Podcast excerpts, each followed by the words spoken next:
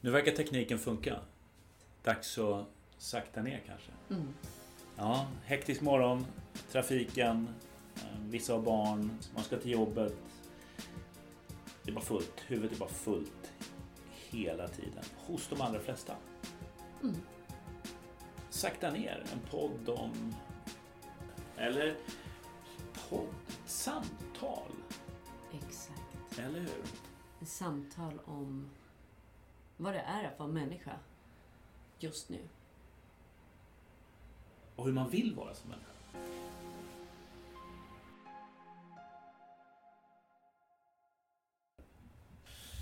Då sitter vi här igen. Ja. Gör vi. Och jag sitter och gäspar som tusan. Fast egentligen är jag inte så trött. Utan jag tror att det har mer med värmeväxling att göra. Mm. Hur är det med dig? Det är bra, tack. Jag är också lite trött. Vilket kan ha att göra med att jag var på bröllop i helgen. Men jag märker också att det är som en naturlig trötthet. Nästan som att det kommer som små förgreningar upp i kroppen under november. Och det är ganska skönt. Där har vi olika syn. Berätta. Vad är Nej, men jag gillar ju inte mörker. Jag gillar ju aldrig mörker. Jag, Mm. jag, som, jag, jag skulle kunna sova med i ett ljust rum. Det, men just det här mörker, jag, jag gillar ljus. Sen gillar jag inte att ha takbelysning hemma. Alltså, jag gillar punktbelysning, men jag tycker om när det är ljust. Jag, jag mår som bäst när det är ljust. Jag har väldigt svårt för november, även fast det är många fina födelsedagar i november. Inte min, men andras. Men det är liksom... Jag vet inte, jag, ty- jag tycker det är en tung månad. Men positivt är ju så här då. Nästa torsdag är den 21 december. Då vänder det. Sen blir det bara ljusare. Ehm, så att det är ju liksom i sikte. Det är bara liksom typ en och en halv vecka kvar. Och sen blir det ljusare tider. Det är helt fantastiskt. Mm. Det här med motståndet mot mörker. Jag har börjat intressera mig ganska mycket för eh, den naturliga rytmen. Och den naturliga rytmen, om man kollar på naturen, så är det så här. Det finns ju någonting välbehövligt med den här vilan, det här långsammare tempot, dvalan, som man nästan skulle kunna säga att naturen går in i. För att Ja, men för att vi ska återhämta oss ner på cellnivå. Men vad händer med oss? När vi inte liksom kan luta oss tillbaka i det utan att vi snarare för att känna det här lugnet blir stressade. Här kommer vi in lite på så här, behovet av att sakta ner. Ja, men jag tänker så här. När du säger det, det finns ju liksom lite olika tankar från mig. Då. Mm. Den ena är så här, vad händer när man bor runt ekvatorn där man har samma eh, morgon och kväll. Eller så här, solen går upp och ner samma tid, alltid, Mm. året runt. Då får man ju inte det där som du pratar om. Eh, och den andra är, kan man inte alltid göra som björnarna då? Man bara gömmer sig liksom och då kan man ju återhämta sig sådär. Så vaknar man några månader senare och så... Mm. Och vad hindrar dig från att vara lite mer som en björn? Ja men det... Våra liv är ju inte riktigt uppbyggda på det sättet. Eller den mänskliga psyken i form av allting annat runt omkring. Utan det är ju verkligen... Hela samhället är ju uppbyggt för man måste gå upp någon gång. Och eh, sen... sen eh, man, man jobbar och man umgås och man träffar andra människor och så vidare. Och, och eh, det är väl det. Liksom så här.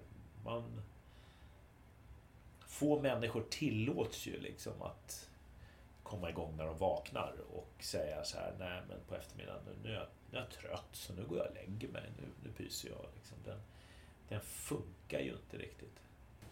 Det kanske inte funkar för att vi har designat samhället så. Men man, man, man kan tänka så här då, nu utmanar jag lite grann. Mm. Här. Ja, men jag måste kila iväg till banken. Undrar om de har vaknat? Eller så här, ja, läkarbesök. Ja, men du, kom vid tio, jag borde vara inne då. Jag brukar vakna vid nio. Eller man ska ut och shoppa en lördag. Ska man gå till Ica? Så man, nej, ta det lite lugnt idag. Betyder det att ett lägre tempo skulle vara helt utan uppsatta strukturer menar du? Finns det något motsatsförhållande där? Det beror på vad... Nej, men inte ett lägre tempo. Men just det här med mörkret, gå i det, um, lutas tillbaka, anamma det, sova längre. Mm. Tid för återhämtning. Men samhället är ju inte riktigt caterat för det. För det, det, skulle väl i så fall kanske betyda så här att ja men Shit, nu går vi in i vintertid. Hörni, nu är det fyra timmars arbetsdagar och så kör vi tio timmars arbetsdagar resten av året. Ja. Uh, det funkar dåligt för jag vill ju vara ledig mer på sommaren. när, det, när, det, när det ändå är ljust och härligt om man är ute. Nej, det vet jag inte. Men, eller att man kanske på vintern skulle jobba tidigare morgnar och senare kvällar och få dagsljuset mitt på dagen. Det, alltså, mm. Jag vet inte. Men jag, jag tycker att så här, mörkret för mig tycker, det är lite jobbigt. Uh, det blir bättre och bättre. Jag hade ju många år då jag bodde 160 mil söderut och då... Det är en viss skillnad på liksom hur mörkt det blir. Uh, eller det här utdragna mörkret. Uh, men det är just det att det går inte att klä sig för. Idag regnar det och blåser lite grann och det är plus en. går att klä sig för. Det är varmt och soligt. Man kan ju gå med en keps och ett paraply eller någonting annat. En paraply som får agera parasoll men som håller solen borta. Och det är kallt, minus 10 snöar. Jättehärligt, det är bara att liksom klä på sig. Det är väldigt svårt att klä på sig för mörkret. Liksom. Det, det, det, ja, det är mysigt inne, man tänder ljus, man gör de här grejerna. Men det blir ändå en liten annan sak. Men det, det är mitt mörker, så det, det tar inte bort glädjen i livet. Eller så, men jag, jag, tycker att det är... Så fort många tycker att januari och februari är tunga och jobbiga och jäkliga, så här, det tycker jag. Men då kan man ju åka skidor och man kan vara ute på ett annat sätt. Och så här, november är...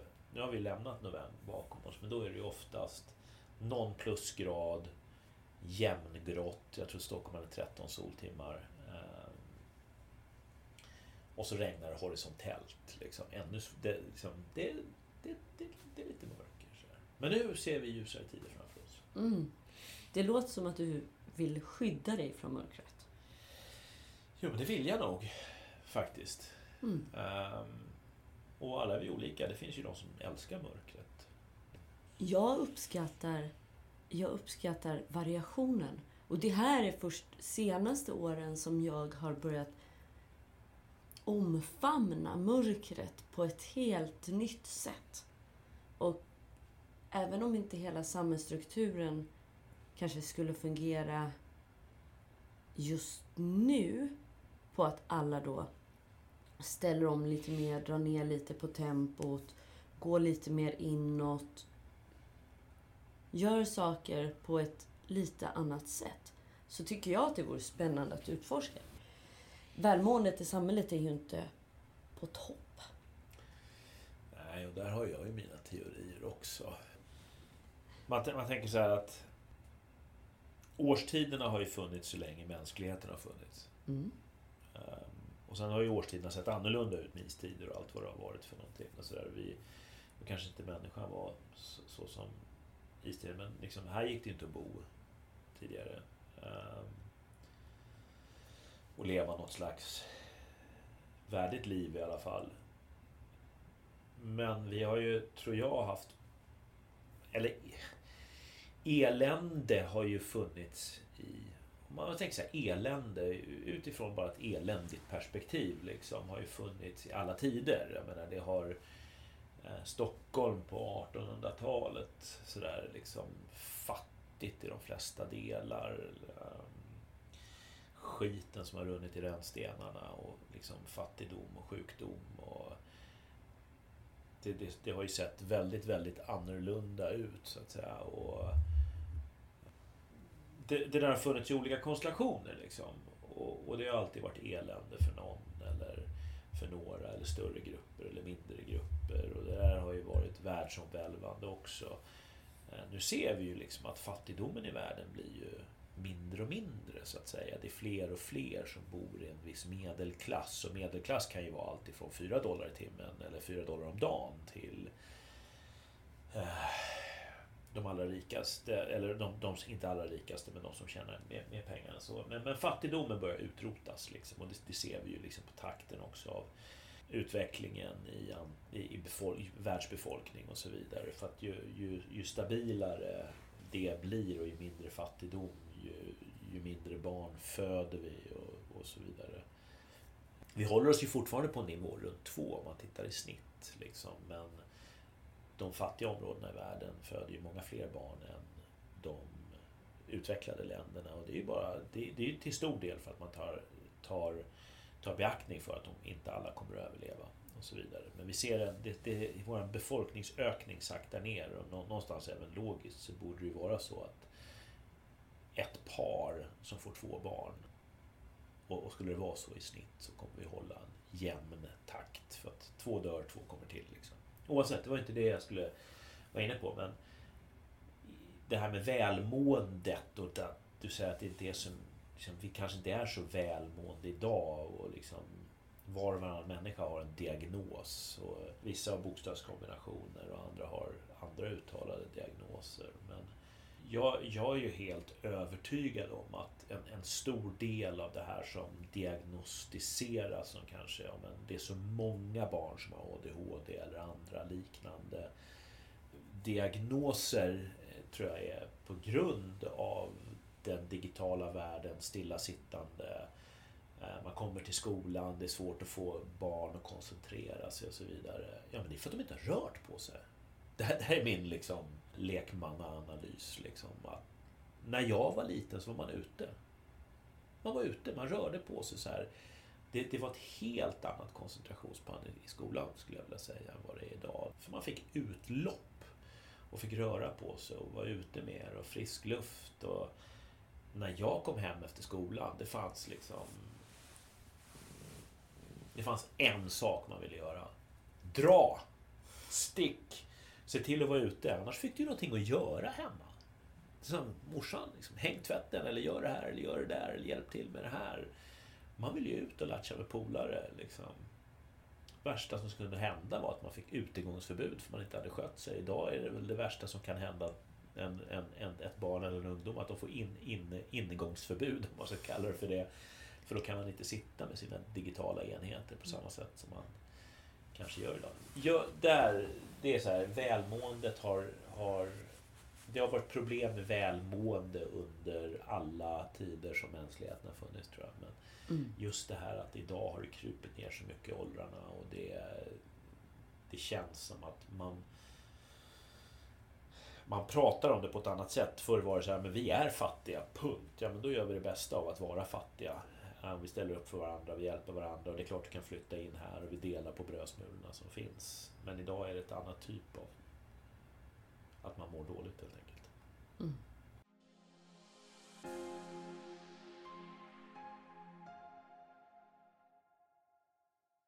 Och vi pratade ju i förra avsnittet om korrelationen som har påvisats i studier kring glädje, lycka, välbefinnande och relationer. Det mänskliga perspektivet. Jag tänker att det också lite hänger ihop om vi kollar på hur digitaliseringen har gjort att vi mer och mer, så här, även om vi har kontakt med människor så blir det inte så mycket medmänsklig direkt interaktion utan det blir lite mer distanserat. Kanske är det så jag har inte läst in mig på några, liksom så här, någon bakomliggande forskning kring stillasittande och så. Men det är rent logiskt det du säger. Såklart att det bör på något sätt hänga ihop med också hur vi människor har under liksom hela den här evolutionen, hur vi har gått från att vara mer kroppsarbetande till att bli mer, ja, jag vet inte, kan vi kalla det fingerarbetande liksom? Ja, det... Jag tror vi är byggda för att röra på oss. Vi är mm. byggda, liksom, vi behöver hålla kroppen i form. Men med det menar jag inte jag att man måste se ut som en, en, eh, en atlet. Men våra kroppar liksom, och musklerna och allting i kroppen tror jag måste röra på sig. Det, det, det, det måste få arbeta. Det, det är en del av styrkan och det är en del av att bli trött på ett visst sätt. Inte bara trött i huvudet utan trött i kroppen. Och jag tror att det är jätteviktigt men det är alldeles för få som, som gör det idag. Mm. Och med det så, så, så tror jag ändå vi har blivit lite svagare och det är fler och fler lagar och regler och man får inte bära över 15 kilo och man får inte ha det här och man får inte göra det och det här är... Och, och jag tycker att det är på ett sätt jättebra, eller jag tycker på, på alla sätt att det är jättebra att vi har förhållningsregler och, och, och, och guidance att hålla oss till när det gäller arbete och så vidare. Men ibland så kan jag tycka att det går väl långt. Vi är gjorda någonstans för att använda våra kroppar och, och, och det skapar en annan typ av också tror jag, styrka och trötthet och allt vad det är för någonting. Men det betyder inte att vi ska bränna ut kropparna utan, men använda dem så att vi blir starka och det, det gör vi inte i den utsträckning vi har gjort tidigare. Och det finns väl en jätteskillnad på om man kollar på förslitningsskador och utbrändhet så är det två helt olika saker. Ja, ja men absolut. Så jag menar Jag utbrändhet... menar bränna ut kroppen, inte Ja, bränna ja. ut eh, Nej, men exakt. huvudet. Liksom. Ja fast det är ju den, det är ju, det är ju ditåt vi har gått. Jag skulle inte säga, alltså Absolut. jag har verkligen inga belägg för det här men det skulle vara intressant att kolla på hur mängden förslitningsskador, hur den utvecklingen har varit och kolla på hur utmattning och liksom egentligen utslitning av våra, våra kroppar ur ett så stress, bara stressperspektiv, hur det har gått. Men jag tror att det finns belägg för det. Mm. Och den ena är ju så här liksom... Forskning är jätteviktigt. Och jag, ehm, i, I alla dimensioner och runt det mesta. Ehm, Det finns ju alla, det, det finns ju forskning runt alkohol och cancer och lycka och allt vad det är för någonting. Men om man bara tittar på... Ibland så tror jag att man måste gå den enkla vägen och tittar man på det här med blå zoner. Mm. Var någonstans i världen finns det, kallar det så här för oproportionerligt många människor som blir över 100 år? Mm. Och, och, och man har väl identifierat en 6-7 zoner. Så här. Det, det finns en ganska bra serie om de här 100-åringarna. Och vad är the common denominator mellan de här zonerna? Varför blir människor äldre och, och, och, och är fortfarande välmående? Och den enda, det är, alltså den, inte den enda, en utav dem är fysisk aktivitet. Och då, då menar vi inte gå till gymmet eller liksom elitidrotta utan i Japan, man sitter på golvet, människor reser sig ifrån golvet till upp och ner, upp och ner ett antal gånger om dagen. Och det, det räcker liksom som aktivitet och att man, att man rör på sig. Det, det finns ett ställe i, på, på Sardinien där man går upp och ner till kyrkan varje dag. Man går upp och ner och handlar för det är väldigt backigt. Och det, det finns, Eh, undrar om det var i Peru, det är i alla fall någonstans i Sydamerika också. Man lever väldigt aktivt. Och sen är det ju ytterligare en del till det där och det är kosten. Och det, det, de är inte på något sätt eh, utstuderade med vad de äter. Men det har ju gått i generationer och de, de äter lagom mycket och har en ganska varierad kost. Mindre kött, men på vissa av de orterna även kött. Dricker mycket te, dricker lite vin också. Så att, eh, men igen i måttliga mängder. Och sen är det social tillvaro. Att, att man faktiskt har ett bra socialt nätverk, liv, umgås, pratar. Mm. Men eftersom de här sju zonerna på olika platser i världen, på olika kontinenter och det är ju samma sak som pekas på i alla de här zonerna att fysisk aktivitet, ät lagom mycket, se till att ha ett rikt socialt liv. Bam! Du blir äldre. Och då tycker jag att då finns det belägg, även fast inte det går in i kategorin kanske forskning om man läser en avhandling och så vidare. Eh, man tar ett steg tillbaka, man tittar på vad, det, vad är det som är likheterna mellan de här. Och bam, du får, du får någonstans ett svar. Jag tycker att det är superintressant. Mm. Och det är intressant att applicera det förhållningssättet in i sitt egna liv. Ta ett steg tillbaka. Se, vad, vad, när mår jag som bäst?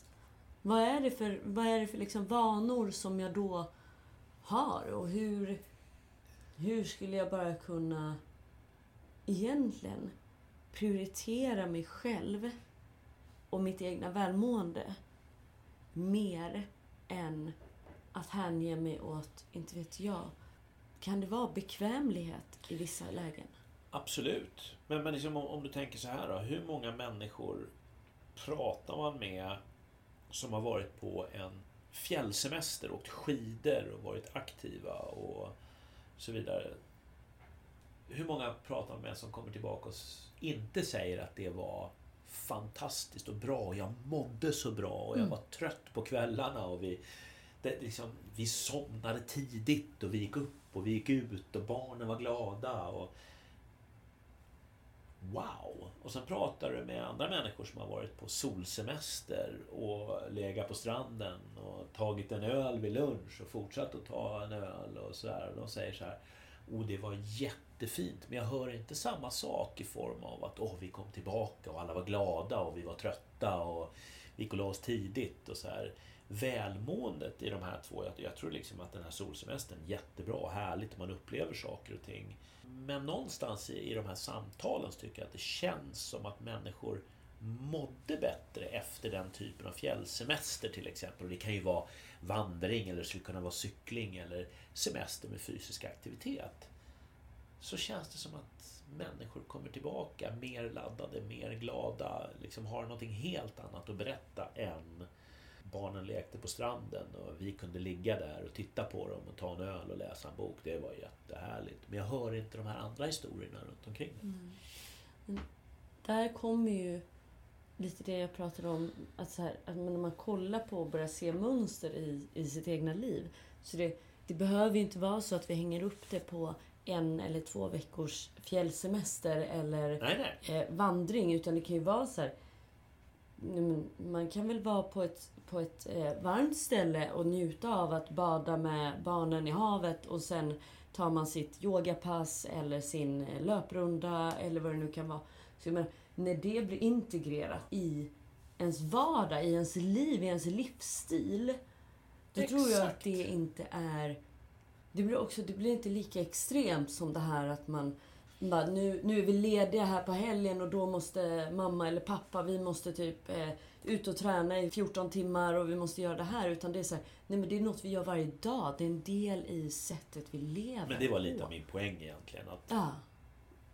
vi, vi har ett behov av att röra oss. Vi har ett behov av att komma ut. Vi, behöver, vi har ett behov av frisk luft. Mm. Vi har ett behov av, av, av den typen av aktivitet. Och det är ju jättebra att gå på gymmet. Det, det är helt klart. Men du får ändå inte den här delen av ute. Eh, frisk luft, frihet och så vidare. Även fast sammanhanget av gym tror jag också är jättebra. Många går på gruppklasser och man träffar människor om och om igen och det blir någon slags social tillvaro. Man känner sig en del av en grupp. Eh, men, men eh, jag, jag tror ofta att vi underskattar liksom, nyttan med att vara ute och röra på sig. Det behöver vi. Alltså det, igen, gå tillbaka till de här blå zonerna. Du behöver inte svettas. Du behöver röra på dig. Du behöver vara ute. Du mår bra av det. Ja. Är det inte Anders Hansen som... Nu kommer jag med forskning. Men är det inte Anders Hansen som har gjort en liknelse att typ 30 minuter promenad, frisk luft ute eller så 30 minuter rörelse eller om det till och med 15 minuter. Men det är vansinnigt lite per dag som behövs som typ är som ett lyckopiller. Jag vet inte, det, det kan mycket väl vara det. Jag känner igen det någonstans. Men ja, ja det, det tror jag absolut. Sen, sen, tror jag, igen då, men jag är ingen forskare, men egentligen mm. behöver vi mycket mer än 15 minuter. Men... Ja, fast det kanske är så att det är... Men det är en start. Ja, och det kanske är så att det är någonting som faktiskt också är väldigt, väldigt görbart. Det är så här, att ta en 15 minuter promenad på sin lunchrast. Det jag hoppas att alla har möjligheten att göra det. Alla har möjligheten tror jag. Det, det, är liksom, det gäller bara att hitta den och planera in den. Och, och det är lätt att känna så här, men jag är trött, jag orkar inte. Mm. Jag, ja, men jag sätter mig här istället. Eller jag sätter mig bara och tittar på det här. Eller jag, jag gör någonting annat. Och jag, jag har ju varit i, i näringslivet där, där, man inte har, där jag inte har gjort annat än att jobba. Men jag har alltid fått in träning. Mm. Uh, och det är ju för att jag har planerat in träning även om det har varit klockan sex på morgonen. För att få den. Ofta har det varit ute och springa och så vidare. Och också av den enkla anledningen att när jag har flängt runt i min yrkeskarriär så har det varit det är väldigt svårt att säga att det inte går för det är bara att stoppa ner ett par gympadojer i väskan och man sticker iväg och så springa. Det, det tar ingen extra plats egentligen. Så, Mm. Eh, så att jag, jag, jag tror att det är så. Sen så är det så här, men måste jag ta bussen eller skulle jag kunna gå till jobbet? Eller cykla till jobbet? Eller, så att det, det, gäller, det gäller bara ta sig ut. Och där, där tror jag till exempel att elcyklarna har gjort ganska mycket bra. Att de som tidigare inte har valt att cykla eller gå har helt plötsligt kommit ut. Och jag har ju själv tittat på den och tänkt så här, ja, fasken, vad gör det där för nytta? Jag tror att det gör jättemycket nytta. Du kommer ut, du snurrar i alla fall på benen. Och, och, och då kanske man gör väldigt mycket av det här som du liksom förknippar till Anders Hansen. Att Mm kommer ut och rör sig 15 minuter. Och man behöver inte springa, man behöver inte göra men just alltså, Och då kanske till och med har möjligheten att komma ut i 45 minuter. Det tar lika lång tid som bussen. Men du har fått vara ute. Och jag, jag tror att många skulle komma och säga att shit, jag mår mycket bättre sen jag, Mm. jag gjorde den förändringen i mitt liv. Nu låter det som att jag klankar ner på dem som inte gör och det, det gör jag verkligen inte. Utan jag, jag är mer så här, jag, jag skulle uppmuntra att göra mer utav det. Och framförallt uppmuntra att vi uppmuntrade våra unga att Mm. göra det från en tidig ålder. Gå till skolan, cykla till skolan. Alltså det, det, det var ju en naturlig del av min uppväxt i alla fall. Man fick bandet med röra på sig. Skulle jag till kompisar, ja men ta cykeln. Så här, det finns ingen skjuts. Eh, man fick röra på sig liksom. Jag Mm. tror att det är bra. Det skapar lycka.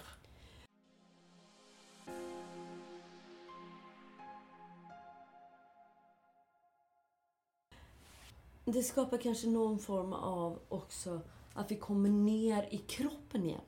Det här är ju någonting, om man kollar på mycket inom eh, trauma och trauma, alltså hur vi hanterar olika former av trauma, så handlar det ju väldigt mycket om att få oss att komma tillbaka ner i kroppen och vara liksom connectade med oss själva på det fysiska planet. Och det är ju där som vi människor, alltså vi är fysiska varelser på den här planeten. Men vi lever så mycket uppe i våra huvud, huvuden och är ganska...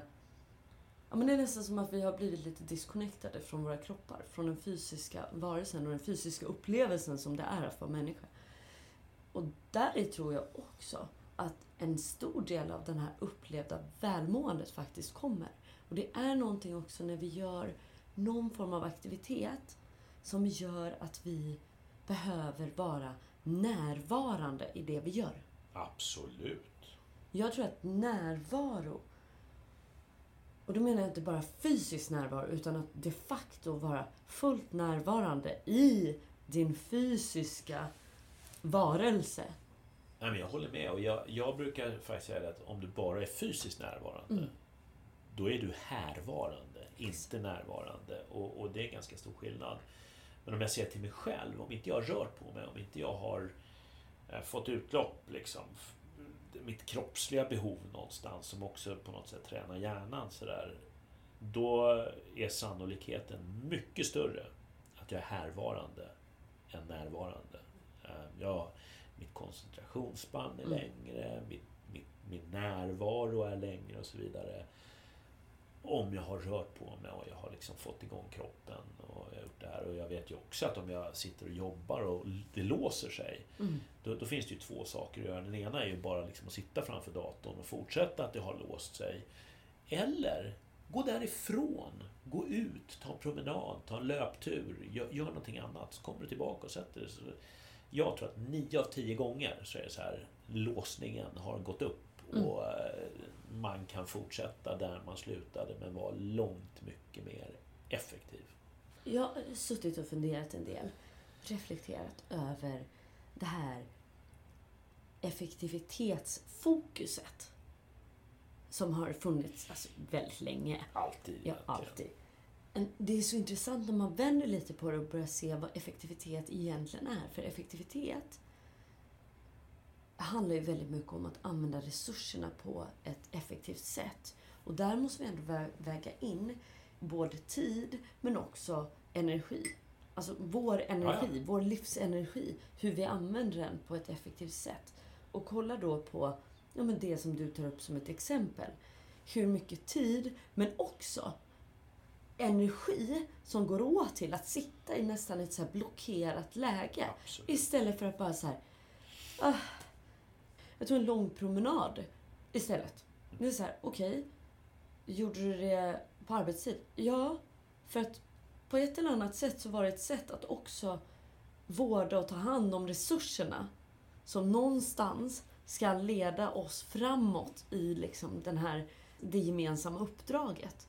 Jag kan tycka att det är spännande när vi börjar vara lite, lite, lite större i perspektivet på vad arbetet de facto går ut på, vad det handlar om. Absolut. Men man kan ju även göra den här promenaden med mångfald och effektiv. Walk and talk. Ja, Du absolut. kan gå med någon, du kan gå med någon i lurarna, du kan prata med någon, du kan säga men du, du är ute och rör på dig och, och, och, och jag tror att det här är sant för allt. Det här är sant för naturen, det är sant för våra hjärnor, det är sant eh, för mycket. Jag tittade på någon dokumentär om ett antal bönder i USA och, och det har ingenting med USA egentligen att göra utan det är mer så här, ja, men man ska få eh, så mycket effekt som möjligt av sitt, sin åker eller sitt land, Mm. sin landmassa. Och det, är, det är stora maskiner och, och det, det är ämnen vi besprutar med och sen så använder man den här marken till att odla samma sak år efter år efter år efter år. Och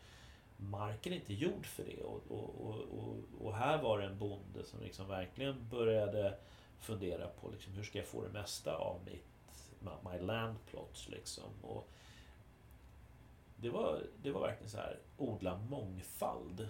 Mm. Ehm, olika grödor, blanda grödorna. Ehm, och, och eh, han... Marken blev effektivare, hans resultaträkning blev effektivare. Hans liv med det blev mer glädjefyllt för mindre oro. När det var, eller när det är en säsong med mycket regn så står marken emot det där mycket bättre. En säsong som det var mycket torka, marken stod emot det där mycket bättre och det växte fortfarande för att du hade en, en, en mångfald i det. Och, och, och det är ju samma sak som en mångfald i våran vardag. Du måste ut och röra på dig. Du behöver ljus. Ja, men gå ut de timmar när det är ljus. Ta en promenad. Få din sömn. Ät riktigt. Och, och, så att, ja, det, det där är nog sant för allt som är levande. Mm. Och eftersom allt levande på ett eller annat sätt hänger ihop. Vi är ju alla connectade med varandra och med naturen. Så hela den här effektivitetsprocessen är också någonting som behöver ses över tid. För vi Ja. har en tendens att bli så himla kortsiktiga. Jag vet, du har varit inne på det Peter med nästan ett fanatiskt fokus på kvartalsrapporterna och liksom, ja men årsresultatet. Jag tror inte att det riktigt är... Det, det, är inte så, det är inte så naturen fungerar, det är inte så människan fungerar, det är inte så, det är inte så som den här planeten egentligen är tänkt att fungera. Det är ett mycket, mycket mer delikat och mer långsiktigt arbete. Det här är ju någonting... Det är så mycket som har funnits här så lång tid före oss. Och nu är vi här. Och på ett eller annat sätt så tycker jag... Men vad det? Är det Rockström som säger det med planetskötare? Jag tycker att det är ganska vackert. Det här, att ha ett visst medvetande, att vara vid en viss medvetenhet tycker jag också kommer med ett ansvar. Ja, men det gör det ju. Ja, Men det, vi har ju ansvar för vårt eget välmående, för våra egna kroppar, för våra egna liv, för naturen runt omkring oss, för att skapa förutsättningar för våra barn. Det är, en- det är en cykel som man måste ta hand om och, och, och jag, jag tror att ju längre tiden går, om vi inte backar ett steg, om vi inte börjar gå tillbaka någonstans till våra rötter och se vad är det som verkligen är viktigt så kommer den här ohälsan vi pratade om för en halvtimme sedan att bara öka. Mm. Eh, vi behöver göra någonting för att förändra det och jag tror att väldigt mycket av det är att på ett helt annat sätt ta hand om det som vi har runt omkring oss, ta hand om oss själva och inte fokusera lika mycket på rikedom, konsumtion, häftiga prylar, eh, alltid det senaste och tro på allt vi ser. Instagram, Facebook, TikTok. Det är bara ett filter. Mm. Det ser inte ut så på riktigt. Nej. Och kanske handlar det om att inte absolut inte tro på allt vi ser men inte heller tro på våra egna tankar, vår egen, vår egen, den, de känslor som kommer. För när vi börjar se det här och så börjar vi tänka att det är så alla andra har det. Och så börjar vi göra jämförelser med oss själva och våra liv. De tankarna väcker de här känslorna av... Ja, jag vet inte, det är ju en uppsjö av olika eh, känslor. Det är såklart, om man kollar på någonting och det leder till att du själv blir inspirerad. Du blir inspirerad till att kanske då Wow, var det där så häftigt ut. Eller shit, så där skulle jag också. Jag skulle också vilja ha det så där mysigt hemma. Eller vad det nu skulle vara. Eller åh, jag skulle också vilja eh, prioritera tiden att baka med mina barn. Om det istället för att leda till ändpunkten av skalan där du känner dig kanske som ett offer eller som misslyckad eller dålig som förälder eller fru eller vän. Utan det istället leder till inspiration och det ger dig en viss fingervisning om vad du längtar efter i livet. Och som också kan hjälpa dig att faktiskt ta meningsfulla steg i den riktningen. Då tänker jag att det ändå är okej och det är fint då att vi kan använda sociala medier för att också stärka varandra och inspirera varandra. Tyvärr så tror jag att det perspektivet kräver ganska mycket det kräver nog en del arbete med sig själv för att komma dit och förstå att vad som än händer runt omkring mig och vad det än är som jag reagerar starkt på så är det jag som reagerar. Det är inte händelserna som egentligen har någonting med det att göra utan det är min reaktion och det är min upplevelse. Och om det går att använda till att lära någonting eller skapa mening utifrån det, då är det faktiskt en grund, vad det än är vi upplever, som går att använda för att skapa den här känslan av meningsfullhet och eh, ja, men glädje i livet. Ja, och kan man titta den själv så hitta någon annan som kan hjälpa dig på resan. Och det är liksom gärna en vän eller en familjemedlem eller, eller sök någon annan typ av, av sådär. Men jag, jag håller med dig. Eh, men till syvende och sist så måste man nog hitta jag tänkte säga lyckan, men, men lycka är ju inte en... Eh, den är ju inte konstant. Liksom. Man, man är inte lycklig och euforisk hela tiden. Utan, eh, men för att hitta mer kanske glädje och harmoni och välmående. Den ligger väldigt mycket i oss själva. Mm.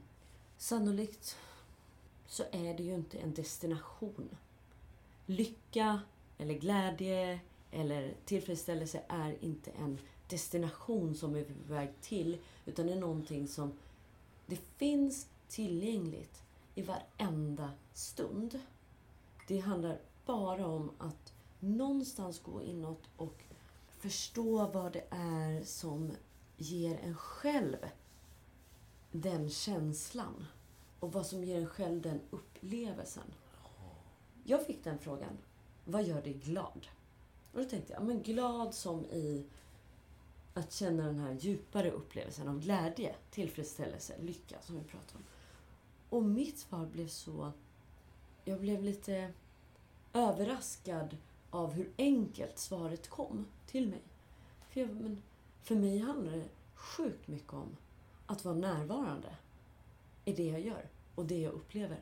För när jag är närvarande, då kommer det där bara. Det bara finns där. Det är som att det är mer som ett space på insidan och att ett meningsfullt samtal som det här eller en bussresa där man här, du säger hej, god morgon till chauffören. Du sitter och kollar ut genom fönstret och du är närvarande i det du gör. Det var så här, wow! Och då insåg jag hur sjukt enkla saker det egentligen handlar om. För att ge den där känslan. Så är det ju. Jag håller med dig. Gör jag. Och, eh, ja, men det, det och... Ja, för mig kommer det väl till ett par saker, men det är ju liksom... Det är närmare än man tror. tror jag.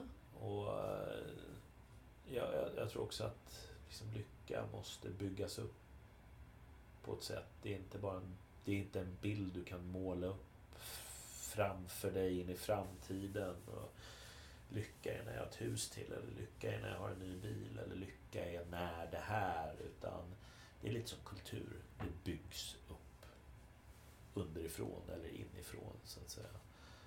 Man implementerar inte kultur, man implementerar inte lycka. Man köper inget av de två delarna, utan det, det kommer ifrån så mycket annat. Mm. Det är också en levande organism. Det är en, en energi mer än någonting annat. Och då är det ju någonting som också... Absolut så tror jag att man, liksom kan, man kan bygga upp det så att det finns någon form av... Liksom, det finns en kännedom i kroppen. Att det nästan skapar som ett muskelminne i dig och att det skapar en, liksom, en form av vana, ett beteendemönster som kommer med mindre energi för att du har vant dig vid det. Så att det är mer kanske lättillgängligt. Precis som det är när du börjar eh, när, du bör, när du börjar träna på vad som helst egentligen, när du börjar lära dig saker. Att över tid så upplever du att det går lättare och lättare utan ansträngning. Och det är ju för att du har byggt upp ett form av muskelminne och en positiv beteendeförstärkning. Det som är med kultur och med med allt egentligen så är det ju att allt är ju ständig förändring. Det här är ju visst, jag vet att det kan låta som en klyscha men om, när vi börjar tänka på det så är det ett faktum att vi ner till minsta jäkla cellnivå i våra kroppar är i konstant, konstant förändring.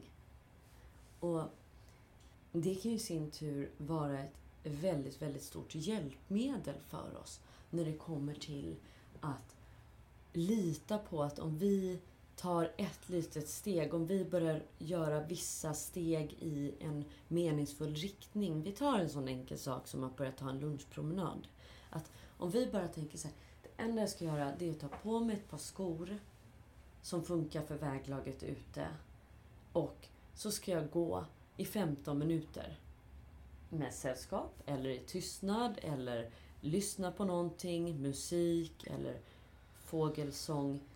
Det kanske inte är lika viktigt som bara den där enkla fokuset. Ta på mig ett par skor som fungerar för väglaget som är utanför. Sätta en fot före den andra och jag ska bara vara fokuserad och närvarande i det lilla steget.